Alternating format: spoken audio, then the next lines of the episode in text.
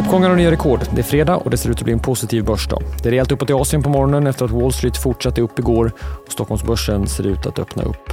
Det är den 16 februari. Du lyssnar på det i Morgonkoll. Jag heter Alexander Klar. Ja, Hongkongbörsen lyfter hela 2,5 procent. Börsen i Fastlandskina är fortsatt stängda på grund av det kinesiska nyåret. Men samtidigt har fått stärkande signaler från Kina om att resandet kring nyårsfirandet varit stort. Tokyobörsen lyfter nästan 1 och är nu väldigt nära att nå en nivå man inte varit på sedan slutet av 80-talet. Särskilt bra går det för techrelaterade aktier i Japan. Wall Street var upp igår igen. S&P 500 steg lite mer än en halv procent. Index stängde på 5029. Teknikfokuserade Nasdaq var inte lika glad men steg 0,3 procent. Det var andra aktier än techjättarna som lyfte index. Efter stängning rapporterade bland annat Coinbase, DraftKings och DoorDash. Coinbase siffror var oväntat starka och aktien rusade nästan 15 procent i efterhanden. DoorDash föll nästan 7 procent trots att antalet ordrar ökade med 25 procent och bolagets justerade vinst steg. Tesla var en annan vinnare. Igen, aktien steg 6% igår. Och på tal om elbilar så sa Ford och General Motors igår att man är öppen för ett samarbete kring elbilstillverkning i ett försök att kunna konkurrera med kinesiska tillverkare som producerar med lägre kostnader. Sportmärket Nike meddelade efter stängning att man kommer göra nedskärningar och säga upp 2% av personalen för att kunna öka investeringar i flera kategorier.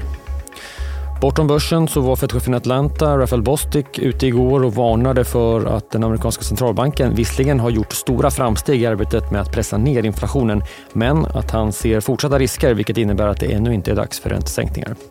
Marknaden som tidigare prisade in en sänkning redan i mars har nu också retirerat från att tro på en sänkning från Fed i maj. Nu spås den första komma vid centralbankens junimöte. Sverige så några rapporter kvar att ta emot. Först fastighetsbolaget Diös med avgående vd Knut Rost. Diös ökade intäkterna med 14 procent under kvartalet ställt mot i fjol. Förvaltningsresultatet ökade däremot bara med 2 procent och landade på 229 miljoner kronor. Samtidigt skrivs eh, fastighetsvärden ner om totalt knappt en halv miljard. Knut Rost gästar DTV klockan halv åtta och berättar mer om rapporten. Cybersäkerhetsbolaget Yubico som är ganska nya på börsen har också släppt siffror. Intäkterna växte med nästan 20 procent. Rörelseresultatet på 95 miljoner kronor är 40 procent bättre än i fjol, justerat något lägre. Igår meddelade också bolaget att man slopar sitt mål om att orderingången ska växa i genomsnitt 25 procent per år. Istället ska man ha ett mål om en nettoomsättning som ska växa i snitt 25 procent. I det fjärde kvartalet ökade orderingången med drygt 83 procent till 684 miljoner kronor. Missa inte Börsmorgon i DTV med start kvart i nio. Dessförinnan då Knut Rost intervjuas klockan halv åtta och klockan åtta pratar vi med nyss nämnda Yubico. Det går också bra att lyssna på Börsmorgon. Vi släpper den som en podd senare under förmiddagen. Det är Morgonkoll. Gå på helg. Vi hörs igen på måndag. Jag heter Alexander Klara.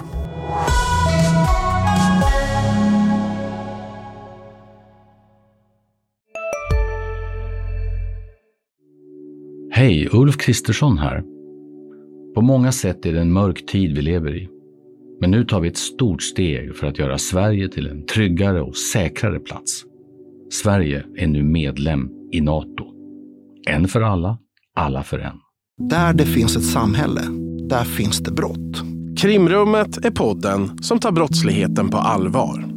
Jag bjuder in landets ledande experter och tar upp aktuella rättegångsfall för att begripliggöra den kriminalitet som kryper allt närmare. Du, alltså, du kan knäcka ett eller några gäng, men det kommer komma nya och så kan vi knäcka dem sen. Men att du ska knäcka allt forever, det kommer aldrig ske. Det är infinite gain. Lyssna på Krimrummet, en podd från Expressen med mig Kim Malmgren.